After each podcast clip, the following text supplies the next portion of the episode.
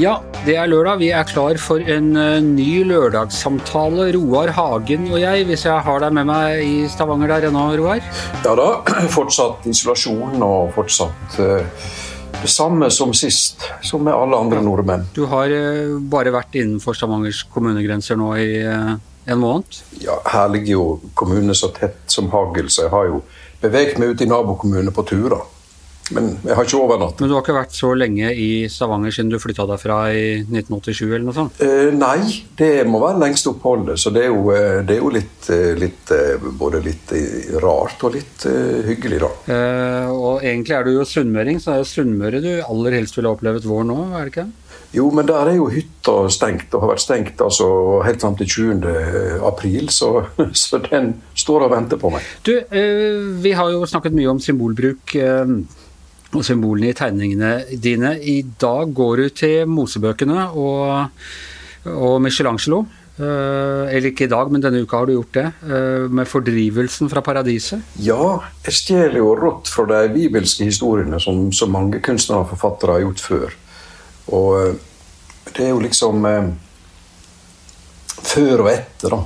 Vi blir på en måte fordrevet ut av paradiset. Syndefallet. Ja, et slags eh, Vitsen er jo å sette i gang tanken, da sette det inn i en større kontekst. Og, og da griper jeg gjerne til disse gamle fortellingene som er så fantastisk velegna til eh, billedbruk. For det er altså Michelangelo, er det ikke det? Eh, for, 'Fordrivelsen fra, fra paradis'. Ja, det er fra Det sixtinske kapell, og han, han brukte jo denne, denne, si, denne billedverden for alt den var verdt i sin, sin kunst. og Nesten utenkelig å, å tenke seg han uten. Og da er det engelen Gabriel, eh, hvis jeg husker riktig fra bibelhistorien på, på barneskolen, som kasta dem ut.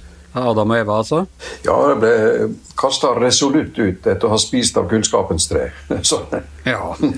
Og, og vi ser slangen som kveiler seg der og, og i det hele tatt. Men Gabriel har altså fått munnbind. ja, er ikke sant. Vi kan jo tilføre figurene da moderne remedier ikke sant, for å aktualisere motivet. Og munnbind er blitt kommet tilbake igjen. Jeg- blir litt forvirret av det. Først var det at nei, munnbind det hjelper ikke. Så var det sånn jo, kanskje vi burde ha munnbind. Og så var det ikke munnbind igjen. Og denne uka har munnbindene liksom eh, Nå er det god latin å gå med munnbind. Ja, her skifter det fra dag til dag og time til time. Vi har jo fått streng beskjed om å hoste i albuen. Mm. Det er veldig viktig, men å bruke munnbind det er visst ingen vits. Så Nei. Plutselig er det Ja, vits. denne uka har jeg inntrykk av at det er vits igjen, og nå kan du til og med strikke munnbind sjæl, og det er, ikke, det er ikke måte på. Jeg spurte etter det på apoteket i går. Ja, hadde de? Nei, dessverre. Så det er vel litt av problemet. Men så ser vi også at i Adam og Eva selvfølgelig også både munnbind eh, og, og fikenblad som skjuler kjønnsorganene. Og de tar en selfie på vei ut av paradiset. Ja, eh, du kan si fikenbladet det er ikke tilhørende Michelangelos originale arbeid. Nei. Det er påført av meg for å få det gjennom på på Facebook-profilen min. er det det? Ja da. Ja, har du opplevd det, å få stoppa noe fordi det Eh, Ja, jeg har fått sånn eh, warning. Ok. Så det, det har jo en sånn um, kunstig intelligens som skanner alt slikt. Så jeg skal ikke ha noe profanity. Hæ. Så for sikkerhets skyld så utstyrte jeg med fikenblader. Ja, du, Da kan du kanskje oppklare dette for meg. for Jeg husker disse fikenbladene helt fra jeg var barn. og Det fascinerte meg hvordan de fikenbladene uten noe strikk eller tau så ut til å henge rundt kjønnsorganene til da Adam og Eva og andre bibelske personligheter. Men når ble de innført? For de er ikke i renessansen. Der ser vi kjønnsorganene. Når, når kom de fikenbladene egentlig inn i verdenskunsten? Det ble nå en veldig kjip tid på 1600-tallet da med 30-årskrigen og religionskrig. og Det kom jo et mørke over det hele. Og eh, etter reformasjonen og sånn, så kunne det bli ganske kjipt.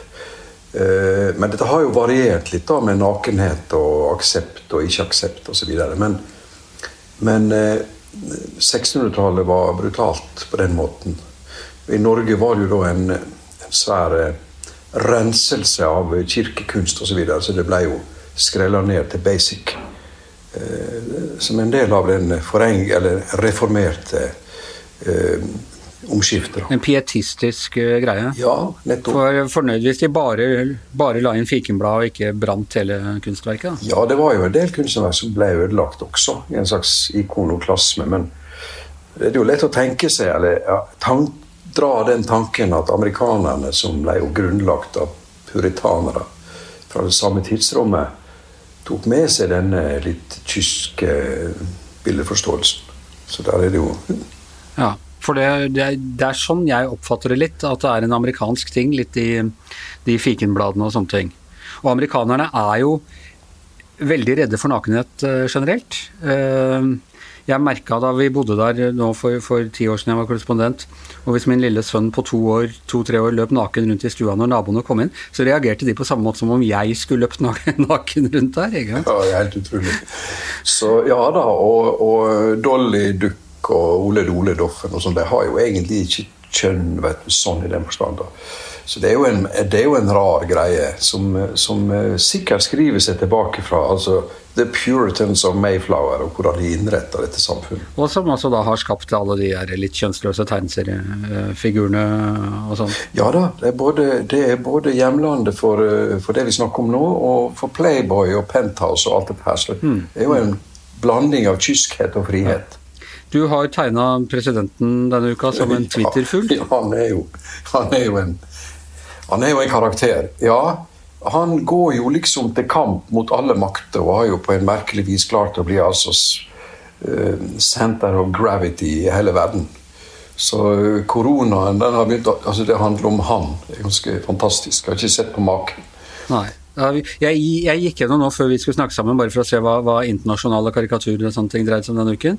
Og det er Trump omtrent på hvert bidige tegning hele uka. det er fantastisk. Altså, det er helt fantastisk. Jeg tror jo han har det som en strategi. det. Ja, han er jo veldig stolt av seertallene han får. sånn. Ja, det er rating, og, og så er det, eh, det er rating, ja, og så er det han sjøl, da. Og, og, korona, som ikke handler om han i det hele tatt, det har plutselig begynt å handle om han, først og fremst. Så. Han, eh, jeg så han sa i et eller annet han angrep New York Times, så skrev han 'The failing New York Times' who would be eh, altså Som ville være eh, konkurs nå hvis de ikke hadde hatt meg å skrive om. Og det aller verste er at det er jo et slags poeng i det òg. Fordi både Washington Post og New York Times har jo da fått en oppgang i lesertallene eh, etter at uh, Trump uh, ble president. Det ble i hvert fall sagt etter at han ble president, jeg vet ikke om det gjelder fortsatt, men at han har på en måte generert ny interesse for politisk journalistikk.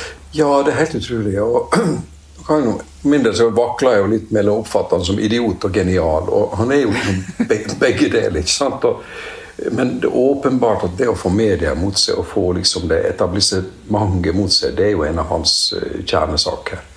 Og det klarer han jo til fulle. Så Spørsmålet er jo hvordan dette slår ut under valget. da. Det blir jo spennende. Han, du tegner ham jo da, altså De forskjellige har forskjellige måter å tegne ham på. Svært ofte tegnes han sånn ganske grotesk. Altså En klassisk karikatur. da, ikke sant? Man overdriver alle det at han er brunkrem i ansiktet og hvit rundt øya og den der litt snurpete munnen og øh, den håpløse sveisen og alt dette her. Det, det overdrives noe voldsomt. Men du tegner han som en litt sånn, hva skal jeg si, ganske tjukk, eh, litt ensom, rar figur ute på en slette som stort sett er en golfbane. Litt sånn ensom figur i verden. Ja, altså I, i, min, i min, verden så er han en, en mann som ble pressa av far sin og uh, er prega av dette. Uh, oppvekst og skjebne, om man vil og, og, og, førte han dit han er i dag. Og, så jeg har en slags sympati med den, eh, den eh, oppveksten og, og, den eh, behandlingen han fikk, da. Som gjorde han så rar. Og etter å ha sett sønnen ved siden av i denne innsettelsen, så tenkte jeg stakkars sønn, han må gjenleve litt av det samme. Du vet jo, kona, Første kona skrev i en bok at Trump var skeptisk til å kalle sønnen for Donald. Vet du hvorfor? Nei. What if he turns into a loser? han ville ikke hvis sønnen ble taper, at han skulle gå rundt og hete det samme som han. Nei, Det er merkelig. Han er jo blanding av, av tysker og skotter. Mm. Mora var jo fra hebridene. Ja. Så han kan jo godt ha norsk blod i årene bak i deres sted også. så det er jo Det er en eh, Jeg blir ikke klok på han, men min måte å framstille han på er en slags understatement. Altså, jeg syns jeg klarer best å uttrykke det på den måten for min egen del. Du, En annen enn du har tegnet uh, denne uka, og, og, litt tilbake til da tegne karikaturer, for nå har det vært veldig mye symbolbruk på deg de siste ukene, men du har rett og slett tegna uh, Jon Gelius, NRK-reporter, som eh, møter Den svarte svanen. ja, han, det var jo da min gode kollega Hans Petter Sjøli liksom, fikk så lyst til å kommentere på Jon. Eh, så han, han eh, spurte om jeg kunne lage en tegning, og det tenkte jeg det må jeg jo. Han har jo like kjøttfull nese som min. ja. og, og, og, og, du er glad i neser? Ja, absolutt. Og den vokser jo på oss vet du, når vi blir eldre. og sånn, Så jeg tenkte det var noe fristende. Og Så jeg kasta meg over eh, Google og fant et par bilder av Jon Gelius og, og fikk det ned på papir. Og det var jo en harmløs fornøyelse. Men, men eh, han, eh, han som alle andre Trives du på Sørlandet, spør han, spør han svarte ja, altså, Han er jo som oss alle andre, en aktør i den uh, nedstengningen som vi befinner oss i. Og, så det var jo en litt sånn artig sak, da, oppi alt. Alle, ja, Hans Petter skrev om den, den, det voldsomme fokuset på Sørlandet i NRKs nyhetssendinger etter at uh, Gelius, som vi, vi, kjenner og som er, alltid, har vært, uh, alltid har vært en pågående reporter og god til å få ja, Det er jo ikke på trykk det heter i NRK, men han er god til å få sakene sine fram. Har da ført til at det er et kraftigere fokus på Sørlandet nå uh, enn det vanligvis har vært i NRKs dekning. Det er helt, det er helt korrekt. og og nå er det jo så masse virologer i både helsevesen og presse og politikk at det var, var deilig å kunne lage en litt annerledes sak. da. Og ikke minst sosiale medier, hvor jeg har inntrykk av at alle er også er blitt uh, eksperter på smitte. Ja da. Du, uh, så er det, en annen, det er et annet tema jeg tenkte vi kunne snakke om denne uken, men du uh, illustrerer det ganske bra med For har, vi har snakket om at vi skal velge ut hver vår annen tegning vi vil ha med. Og du har valgt med Altså, I Verdens Gang, den ble jo stifta i maidagene 1945 av Hjemmefronten. Og siden den ble starta da, altså for uh, hvor, hvor, lenge er det siden? 75 år siden? Ja. Så har det bare vært to faste tegnere i VG. Det, var, uh, det er deg, som har vært det siden 1987 eller noe sånt. Og før det var det en mann som het Eller som bare kalte seg for Pedro. Det, det er helt riktig. Det, det er Grunnen til at jeg vil trekke fram den tegningen, det er tosidig, egentlig. For det første er å peke på Pedro, min forgjenger. og Han forteller liksom historien om verdens gang også. Han var, jo han var også hjemmefrontmann? Var han, han, var krigshelt fra eh, Valkeren og invasjonen i, i Normandie og alt dette. Og og uh, fikk en masse medaljer og greier, og kjørte inn i en tysk uh, stor avdeling som overga seg øyeblikkelig til Pedro. Han kom i en jeep der og pistol i beltet og greier. Det var en ganske artig, artig sak. Når krigen var slutt, og hjemmefronten skulle starte avis, en uavhengig avis, så var det noe av det første de skaffa seg, var en tegner. Og det var jo på bakgrunn av uh, karikaturtegningens rolle i Storbritannia under krigen, med David Lowe og Illingworth og alle disse som brukte all sin, eh, sin, kunstneriske kraft og engasjement for å kjempe for demokratiet. da. Så han ble ansatt i, i VG. Han var jøde fra Bergen. og Het opprinnelig Salomon Goldfarb. Fornorska til Zalo Grenning. Det var ikke greit å hete Goldfarb. Og vokste opp der og stakk jo vestover så snart eh, okkupasjonen var et faktum. Hans mor er den samme jødiske, liberale hybelvertinnen som Magna Mykle skriver om i den gamle gutteboka 'Sangen om den røde rubin'. Så Han bodde jo der. Eller Myklebuss, han heter. Han var jo halvt sunnmøring. Eh, så Pedro han, han tegna da i VG, og i 1959 så laga han en tegning av Mao som forteller ganske mye. Det er en tegning av Mao uten ansikt. Står og speiler seg og har ikke ansikt. Ja, korrekt. Eh, det ble jo da og Mao var altså for unge lyttere var da lederen for det kinesiske kommunistpartiet og eneveldig diktator i Kina i eh, 30-40 år. Ja, han var den absolutte diktator og eh, leder for kommunistpartiet etter revolusjonen i Kina. Og eh, det som viste seg, var jo at å tegne et menneske uten ansikt er en stor fornærmelse på kinesisk. Så det ble jo et, et himla styr. og protester fra eh, ambassaden osv. Og, og eh, VGs aktører Christensen og Hasselknippet avviste jo den totalt, selvfølgelig. Så den forteller punkt én at VG var voksen nok til å støtte sin tegner. Punkt to en tegning har kraft til å provosere en supermakt. Og det tredje den forteller, er at den gangen var det ingen samhandling mellom Norge og Kina. Så det fikk ingen konsekvenser. Kina har ingenting å true med, egentlig, annet enn en eh, diplomatisk protest. Eh, I dag så ville det avstedkommet eh, diplomatisk oppstandelse. og og det blitt, ville blitt Ikke noe norsk laks til Kina? Ikke noe norsk laks. Masse greier.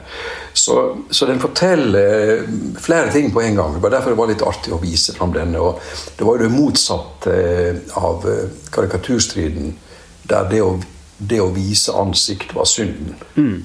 Så, så, det viser igjen altså at symbolene er ulike, kulturene er ulike. og Du skal tegne på den globale arena, så må du, må du forstå dette. Og så tror jeg, øh, kan også legge til at øh, altså Zalo Grenning Pedro var jo en vennlig og høflig mann. Han var ikke egentlig ute etter å fornærme noen. Jeg tror Den artikkelen den illustrerte, var egentlig 'Hvor går Kina?' Liksom, Går det mot et mer øh, vestlig samfunn, eller går det tilbake til bondesamfunnet, eller sånn Hva blir det Kinas nye ansikt?